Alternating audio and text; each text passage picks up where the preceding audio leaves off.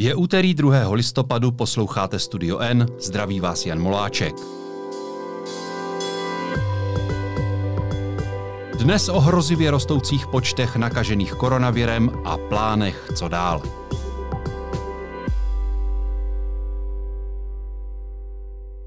Počty nemocných s covidem jdou nahoru, čím dál víc jich taky potřebuje hospitalizaci. Aktuálně leží v Česku v nemocnicích přes 1800 pacientů s touto nemocí a bude jich rychle přibývat. Naopak počty očkovaných rostou pomaleji, než bychom potřebovali. Od včerejška platí nová opatření, například povinnost restaurací požadovat od zákazníků certifikát o očkování prodělané nemoci nebo test. Budou stačit nebo míříme opět k zavřeným obchodům, školám a možná i okresům? Budu se ptát redaktorky deníku N i vy Bezděkové, která píše o zdravotnictví. Vítej ve studiu N. Ahoj. Můžeš srovnat aktuální situaci, ta aktuální čísla třeba s loňským podzimem? Jak jsme na tom? Uh, už spousta lidí, kteří zažili loňský podzim, říká, že má takové deja vu, protože ty počty nakažených strašně rychle narostly. Stále se to zdálo jako v pořádku, desítky, stovky nakažených a pak se to najednou vyhouplo. Dneska už máme skoro osmitisícovku za sebou, a takže to nápadně připomíná ten loňský podzim. To je ale ta známá exponenciála, která napřed roste velmi zvolna a najednou přijde ten bod, kdy se obrátí do toho rychlého růstu, ale to bychom přece už měli znát, tím bychom neměli být překvapeni. Přesto uh, to zarazilo, protože my jsme si mysleli, že máme očkování oproti loňskému roku. Že a to spousta, máme. To máme. Jenže také máme uh, variantu Delta, která je dva půlkrát víc nakažlivá a bohužel i prolamuje očkování. Takže i lidé, kteří mají za sebou dvě dávky vakcíny, tak uh, se nakazí. Není to úplně nic ojedinělého. A zvlášť staří lidé, kteří mají obecně menší imunitu, tak bohužel třeba končí i v nemocnici, přestože mají obě dvě dávky vakcíny. Ale je úplně jasné, že na jípkách, to znamená uh, na těch lůžkách, kde potřebují ty nejhorší případy péči, covidoví pacienti, uh, tak opravdu leží Eh, drtivá většina těch pacientů, kteří nejsou očkovaní. My se k tomu dostaneme. Já bych se ještě chtěl eh, zeptat, jestli eh, to očkování nebo účinky toho očkování jsou vidět i v tom, že přece oproti loňskému podzimu máme mnohem mírnější opatření. Ano. Tehdy byly zavřené obchody a tak dál. Dnes ano, vlastně... lockdown. My jsme měli ano, loni ano. touto dobou zavřené školy, ano. zavřené hospody, všechno. Ano, nic takového uh-huh. teď není. Uh-huh. A znamená to, že kdyby tedy loni jsme takto laxně postupovali, tedy ta opatření byla tak, řekněme, mírná jako teď, tak by ta situace... Tak bychom měli troj až čtyřnásobný počet pacientů na intenzivních lůžkách kvůli tomu, že máme delta mutaci. To teď mi vlastně potvrdil před několika minutami uh, Ladislav Dušek jako šéf UZISu. To znamená, to je vliv té delta mutace, anebo nám pomohlo očkování tady v tomto, že to drží dole ty počty Pomohlo nakažených? nám očkování v tomto, že to drží dole, ale bohužel vlastně ta delta mutace do toho hází ty vidle. Takže to je souhra víc faktorů. Přesně je, tak. Je to, je to mm očkování, je to nakažlivější mutace. Ano. Důležitá otázka, bude to stačit? Obejdeme se bez lockdownu. Já připomenu, že pravděpodobný budoucí ministr zdravotnictví Vlastimil Válek z TOP 09 řekl serveru Echo 24, cituji, už nechci přijít o další Vánoce, o další Velikonoce, ale teď to tím smrdí. Cítíš ten smrad taky? Uh já se trochu obávám, že tady se každý zaklíná tím, že už žádné lockdowny nebudou. A přitom, řekněme si to úplně upřímně, jsme na tom jenom o trošku lépe co se týče očkování, než jsou Slováci, nebo než jsou v Lotyšsku, kde už tedy museli zavřít některé plošné vlastně provozovny jako restaurace, fitness a tak dále. Uh, takže je otázka, jestli my se přikloníme spíš teda k těmto zemím, nebo půjdeme tou britskou cestou, protože v Británii počty e, nakažených lidí v nemocnicích e, také strašně rostou, ale tam už od toho dne svobody, vlastně od léta, už žádná opatření nemají. Čili vlastně tohle říká jak současná vláda, tak i vlastně budoucí vznikající vláda, že už žádné plošné opatření, že už žádné lockdowny. Na druhou stranu odborníci už loni zdůrazňovali, že včasný lockdown je vždycky lepší než odkládaný. Konec konců i díky tomu jsme zřejmě vyvázli poměrně dobře z té úplně první vlny covidu. Nač tedy čekat, pokud to vysí ve vzduchu? Nebylo by lepší ten lockdown zavést hned? Eh, já bych ještě zmínila izraelskou cestu, protože tam se jim stalo vlastně přesto, že oni byli premianti, měli rychle proočkovaný tou, dvo, tou vlastně jako těmi dvěma dávkami Pfizeru, eh, tak eh, jim v během léta se zase ty počty nakažených rostly, ale tam už řekli, my už nechceme zavírat, my už nebudeme dělat žádný lockdown, my potřebujeme doočkovat zbytek populace a potřebujeme proočkovat třetí dávkou vakcíny. A jak je vidět, tak teď vlastně už se jim to začíná zase zpátky vracet bez lockdownu, protože dokázali uh, proočkovat tu populaci. Takže já bych zase chápala, pokud by vláda nebo, nebo nastupující vláda přišla s jasným nějakým programem, jak teda uh, zachránit tuhle stávající situaci, kdy, jak víme, a do kolečka se o tom mluví, prostě třetina dospělé populace není naočkovaná, je mezi nimi 300 tisíc seniorů a uh, stále nemáme plán, jak tohle vlastně udělat. Proč by zase je, jako relevantní argument, proč by lidé, kteří mají za sebou dvě dávky vakcíny, měli potom třeba nějaká omezení, že jim bylo třeba špatně, teď si mysleli, že budou chodit uh, normálně do práce, že budou chodit do hospod, že jejich děti budou chodit do školy, tak proč oni by měli zase zažívat lockdown? Takže si říkají, pojďme tedy udělat to, abychom už toto nemuseli řešit a pojďme tedy provakcinovat tu relevantní část populace. No to by bylo krásné, kdybychom to mohli udělat, ale přece jenom to stále záleží na rozhodnutí těch lidí, kteří se očkovat nedali. Je otázka, jestli ho ještě může něco změnit. Je podle tebe přijatelné v České republice, je podle tebe přijatelná situace, že zkrátka dobře nemocnice nebudou moci ošetřovat eh, ty rostoucí počty pacientů, že si řekneme prostě žádný lockdown, děj se, co děj, a lidé budou zkrátka dobře umírat? To je samozřejmě nepřijatelné. A já tím, že píšu o zdravotnictví, tak vím, že není samozřejmě jenom COVID. Tady je řada jiných nemocí, které uh, potřebují teď hned ošetřit, nebo bude se znova odkládat operace. Lidi v bolestivých stavech uh, s, po operacích kyčlí a podobně, kteří čekají na operace. Uh, je, je to absolutně nepřijatelné a spousta těch lidí, kteří se nenechali očkovat, tak toto si asi neuvědomují. Dobře, ale přece jenom vláda bude muset to rozhodnutí udělat. A jak tě tak poslouchám, tak mě z toho vycházejí dvě možnosti. Buď to tohle, co označuješ za nepřijatelné, no. anebo lockdown.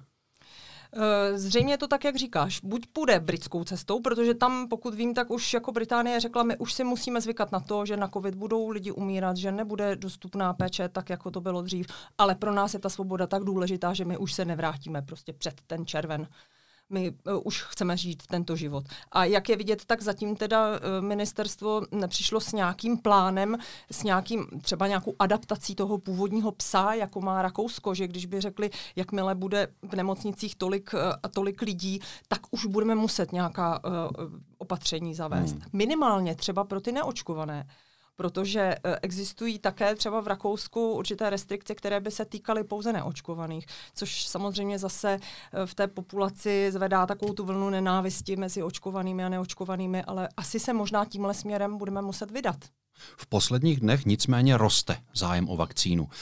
Může nás tohle rychlejší očkování ještě před tímto rozhodováním zachránit, nebo je to spíš takový symbolický nárůst, který třeba vidíme, eh, že jsou nějaké fronty někde, ale ve skutečnosti je to jenom kapka v moři? Já jsem si dneska spočítala teda ty čísla od toho dne, kdy ministr oznámil, že neočkovaní lidé si budou muset hradit testy ze svého a přibylo zhruba 280 tisíc lidí, kteří se nechali naočkovat, což jsme tady vypočítali, že je tak zhruba 5% populace. A když si vezmeme, že máme 67% naočkovaných a v cizině, v těch dobrých zemích, kde to je hodně, se to blíží 90% nebo je to hodně přes 80%, tak nás to lidově řečeno nevytrhne, tento, tento počet. Hmm. Takže teď je otázka, zda třeba ještě nepřitvrdit, nejít rakouskou cestou nebo italskou, to znamená covidové pasy do zaměstnání. Buď budeš očkovaný, nebo si to budeš testovat ze svého. Hradit to je ještě, testy ze svého. Hradit testy ze svého. Nejrychleji se virus podle oficiálních dat šíří mezi dětmi. Bude nutné zavřít zase školy? No já doufám, že ne. Já mám sama děti, zažila už jsem tak doufáme prostě to všichni. tři zavřené jakoby uh, etapy, uh, strašný dopad vlastně na vzdělanost dětí, uh, proč by děti měly být. A vždycky to tak bohužel bylo. Vždycky děti byly ti první, kteří odnášeli uh, neschopnost vlády udělat nějaká jiná opatření. Takže tady dobře, že si to zmínil, protože tady je ta otázka, proč ministerstvo neudělalo to, co ještě na podzim říkalo, nebo ještě v létě. To znamená, budeme testovat v ohniskách nákazy, pak se nikde netestovalo, teď se testuje někde, ukazuje se, že je hodně dětí nakažených, ta čísla teď budeme sledovat. Takže možná by pro tuto chvíli stačilo testovat ty děti do 12 let, které ještě nemají vakcínu, a to opravdu plošně, protože už dneska nemůžeme mluvit o nějakých ohniscích nákazy. Ve Spojených státech je těsně před schválením očkování dětí od 5 do 11 let. U nás by se s tím mohlo začít v prosinci, jestli jsem no. dobře četl tvé mhm. články. Může, ne, kolegyni, kolegyni, kolegyně o tom psala, Markéta Boubinová. Ano. Může to ještě eh, pomoct, nebo už je to pozdě? Samozřejmě, že to může pomoct eh, do dalších etap. Já už tak daleko nedohlídnu hmm. a už asi těžko dohlédneme, co bude na Vánoce nebo v lednu.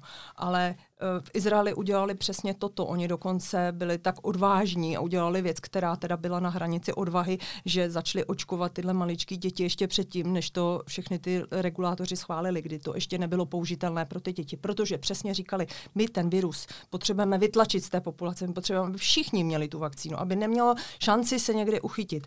A pokud prostě m, mm, úřady zjistí, že ta vakcína bezpečná, není na co čekat, očkujme co nejdřív bude podle tebe ochota k očkování dětí? Já když čtu některé postoje odmítačů vakcín, tak se trochu bojím toho, co uslyšíme, až se začnou očkovat děti.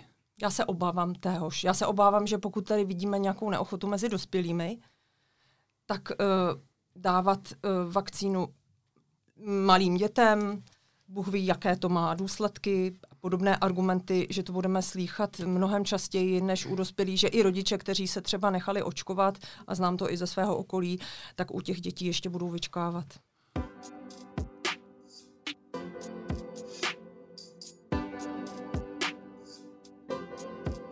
Ty jsi včera psala o složení týmu, který bude ministru Válkovi radit, pokud se samozřejmě stane ministrem. Mezi jeho členy jsou také lidé z různých alternativních názorových proudů. Co je to za lidi a proč je tam Válek chce mít? Já bych ještě připomněla, že to je poradní tým koalice spolu, takže mm. i mhm. kdyby tam náhodou byl někdo jiný než 109, třeba i z ODS, tak by asi tento tým měl zůstat stejný. To si možná můžeme tuhle otázku vyjasnit hned. Já jsem se na to chtěl ano. zeptat. Uvažuje se pouze o Vlastimilu Válkovi nebo je ve hře ještě někdo jiný na post ministra zdravotnictví? On sám vlastně v neděli v otázkách Václava Moravce se mi to zdálo, že tak trošku jakoby zrelativizovával to jediné jméno, které tady padá, to jeho jméno, Vlastimila Válka, protože říkal, že uh, jeho strana i ODS i KDU ČSL má řadu zajímavých lidí, kteří by hmm. také mohli být ministry. A je tam tedy někdo konkrétní? Ví se například o Vítu Kaňkovském, uh, což je poslanec za KDU ČSL a lékař z Uhersko-Hradišské nemocnice. Rozumím. A teď pojďme k tomu týmu. Ano. Proč jsou tam ti alternativní různí, řekněme, zastánci alternativních názorů? Tak eh, Vlastimil Válek říká, že toto je důležité proto, aby eh, bylo celé spektrum názorů, že pokud má ve společnosti fungovat nějaká schoda, tak je potřeba, aby zazněly různé argumenty. Jenomže teď si vezměme, že my tu máme nějakou oficiální, oficiální směr, který teda zastává uh, nejen ministr zdravotnictví Adam Vojtěch, ale i uh, šéf vakcinologické společnosti Roman Chlíbek. Zastávají ho většina virologů, imunologů a epidemiologů, kteří dosud radili vládě. To jsou skoro všichni, kteří hmm. říkají, pojďme plošně očkovat. Nevymlouvejme se na to, že má někdo protilátky, očkujme všechny. Nebojme se očkovat děti, naopak očkujme děti. A teď vlastně jakoby do téhle situace, kdy teď my jsme doplatili trošku na to, že toto se zřejmě neříkalo moc hlasitě a že to bylo spolitizované a že pan Babiš prostě se stal on sám koordinátorem a bylo to celé nešťastné. Tak do téhle situace najednou pozvete do eh, toho poradního orgánu lidi, kteří vám otevřeně říkají, já to píšu v tom článku, že uh, vakcína selhala, protože je málo účinná. Neočkujme děti, protože Bůh ví, jaký to bude mít účinek za několik let. Já a, můžu citovat další podobně. věci. Já jsem ten ano. článek četla, samozřejmě jsem se díval i na internetové stránky těch různých, těch různých skupin, tak třeba v tom týmu je viroložka Hana Zelená, ta je členkou takzvaného zdravého fóra, což je organizace, která se staví například proti jakýmkoliv povinným opatřením, to znamená žádné zavřené ano. obchody, žádné povinné respirátory a podobně. O vakcínách na COVID například mluví jako o neprověřených. Mně není jasné, co si Válek slibuje odrad někoho, kdo zastává takovéto postoje. Ano, a bohužel my jsme se ho na to nemohli úplně zeptat. On nám poslal teda odpověď pouze písemně a pouze ve třech větách, že stojí o jakoby pluralitní názory v rámci své uh, poradní skupiny.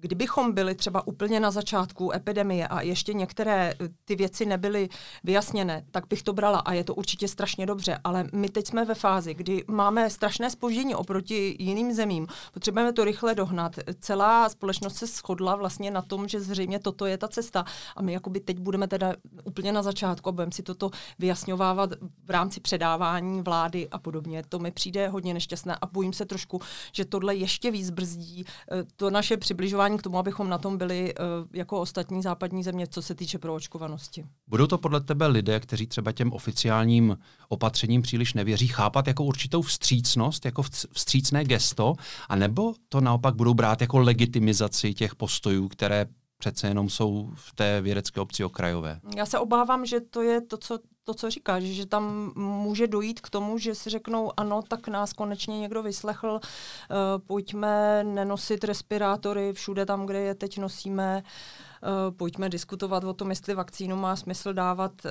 a podobně. A jak jsem řekla, je to asi hodně nešťastné v tuhle chvíli.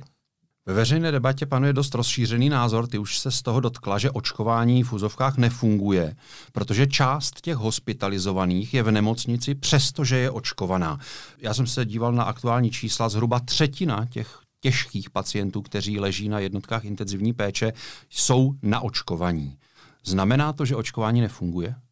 Eh, rozhodně ne, protože je důležité podívat se na věkové složení těch lidí, kteří tedy jsou na jipce, přestože jsou očkovaní. A tam jednoznačně, když se podíváš na, ten, na to věkové složení, tak u lidí do 50 let je téměř nula pacientů, nebo možná jeden, dva, kteří přes dvojité očkování skončili na jipce, protože mají přirozenou imunitu, dostanou uh, vakcínu a nekončí tam. U lidí, kteří jsou už starší, třeba od těch 70 let, tak oni mají řadu přidružených nemocí a jejich imunita vyprchává a oni by potřebovali tu třetí dávku vakcíny, kterou teď nemají a proto končí na těch jipkách. Takže m, mm, nemocnice hlásí, že v nemocnicích tedy na jipkách leží převážně neočkovaní padesátníci, to znamená ještě poměrně mladí, ale kteří teda už končí, a nebo potom očkování, očkování už hodně staří seniori. Čili k tvé otázce, rozhodně to neznamená, že očkování nefunguje, znamená to, že je potřeba u starých lidí třetí dávku a, a uvědomit si, že, uh, že varianta Delta může prolomit i očkování prostě lidí. Je to tak. Vede se taky debata o uznávání protilátek jako alternativy k očkování. Je to podle tebe cesta? Mě toto téma velmi zajímalo, třeba na konci uh, června v létě, kdy uh, lidé tedy měli možnost se nechat očkovat. Byla tady uh, otázka třeba vycestování, nebo do restaurací si člověk musel nechat dělat test. A říkala jsem si také, má to celkem logiku. Pokud mám přirozené protilátky, prodělala jsem COVID, proč bych ještě se měla nechávat očkovat?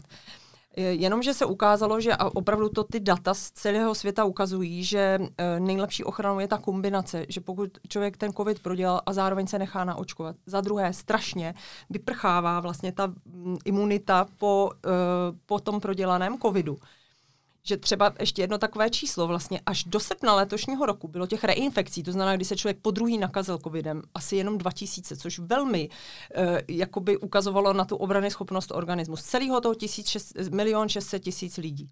Ale v posledních dnech, vlastně v září, těch reinfekcí opravdu přibývá. A je to vidět, že zřejmě lidé, kteří třeba dostali ten covid před rokem, tak teď už nejsou chráněni opravdu přibývá těch reinfekcí. Tam vlastně platí taková oficiální vládou stanovená hranice těch 180 dnů, jestli to chápu správně, ano. protože člověk, který prodělal covid a má o tom certifikát, tak může normálně do restaurace bez očkování s tím certifikátem ano. po dobu 180 dnů, to znamená zhruba půl roku, uh-huh vlastně panuje takový konsenzus na tom, že, že ty protilátky po prodělaném covidu fungují. Ano, je to tak? Ano, ale je to takový konsenzus na základě toho, my každý máme jiný protilátky. Když a tak to platí, COVID... i o, to platí asi i o, o očkování, I, že i, na něho každý reaguje trochu jinak, ale je to tako, je, na tom, je na tom určitá schoda. Ano, je to tak? ano, na tom je a, určitá schoda. A co tedy požadují ti lidé, kteří chtějí, aby protilátky byly uznávané jako vlastně alternativa k očkování? Oni chtějí, aby to platilo celý život, nebo tam mají nějaké lhuty jiné? Nebo oni, jak? oni vlastně chtějí, aby každý, kdo prodělal COVID, si mohl třeba po půl roce znovu nechat změřit eh, protilátky, aby zjistil, protože řada z nich třeba měla ten průběh natolik silný, že jim třeba vydrží ještě dalšího půl roku nebo třeba i déle. Takže oni chtějí si nechat změřit protilátky a uh, potom um, je prokazovat jako tak, že jsou imunní vůči, eh, vůči nákaze a i oni, že by nebyli přenašeči. Ale v celé Evropské unii vlastně tohle není jediným příkladem je Rakousko, které z nějakých důvodů si to tedy prosadilo a tam, tam to funguje.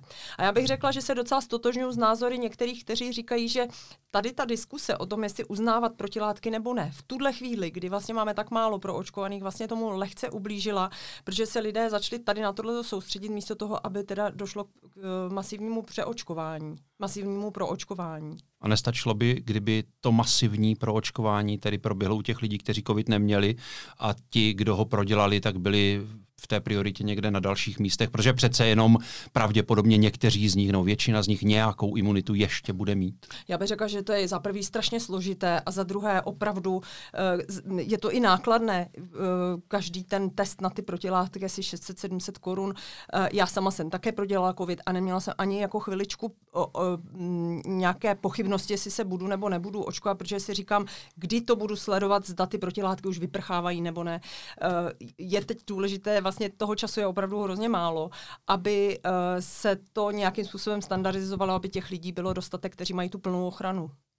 To byla Iva Bezděková, zdravotnická redaktorka Deníku N. Díky za tvoje informace. Děkuju.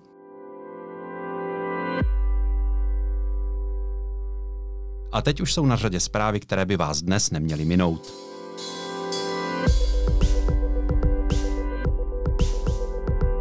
Německá spolková země Sasko chce od pondělí vyhlásit rozsáhlou uzávěru pro neočkované. Nedostanou se do restaurací, kin ani na stadiony.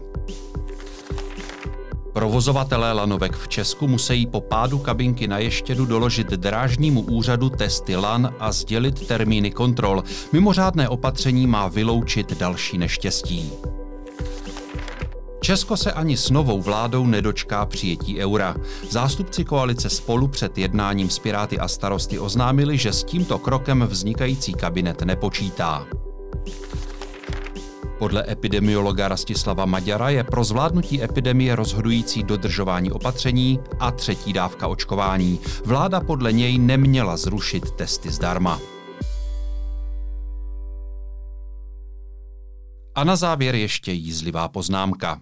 Andrej Babiš před odletem z Glasgow řekl novinářům, že neměl žádné ohlasy jiných státníků na projev, který přednesl na klimatické konferenci OSN.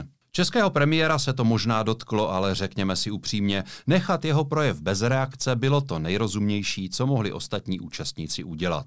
Babiš za pár týdnů skončí a na slova o zelené sebevraždě Evropy, když celý svět páchá sebevraždu klimatickou, se tak jako tak nic slušného říct nedá. Naslyšenou zítra, loučí se Jan Moláček.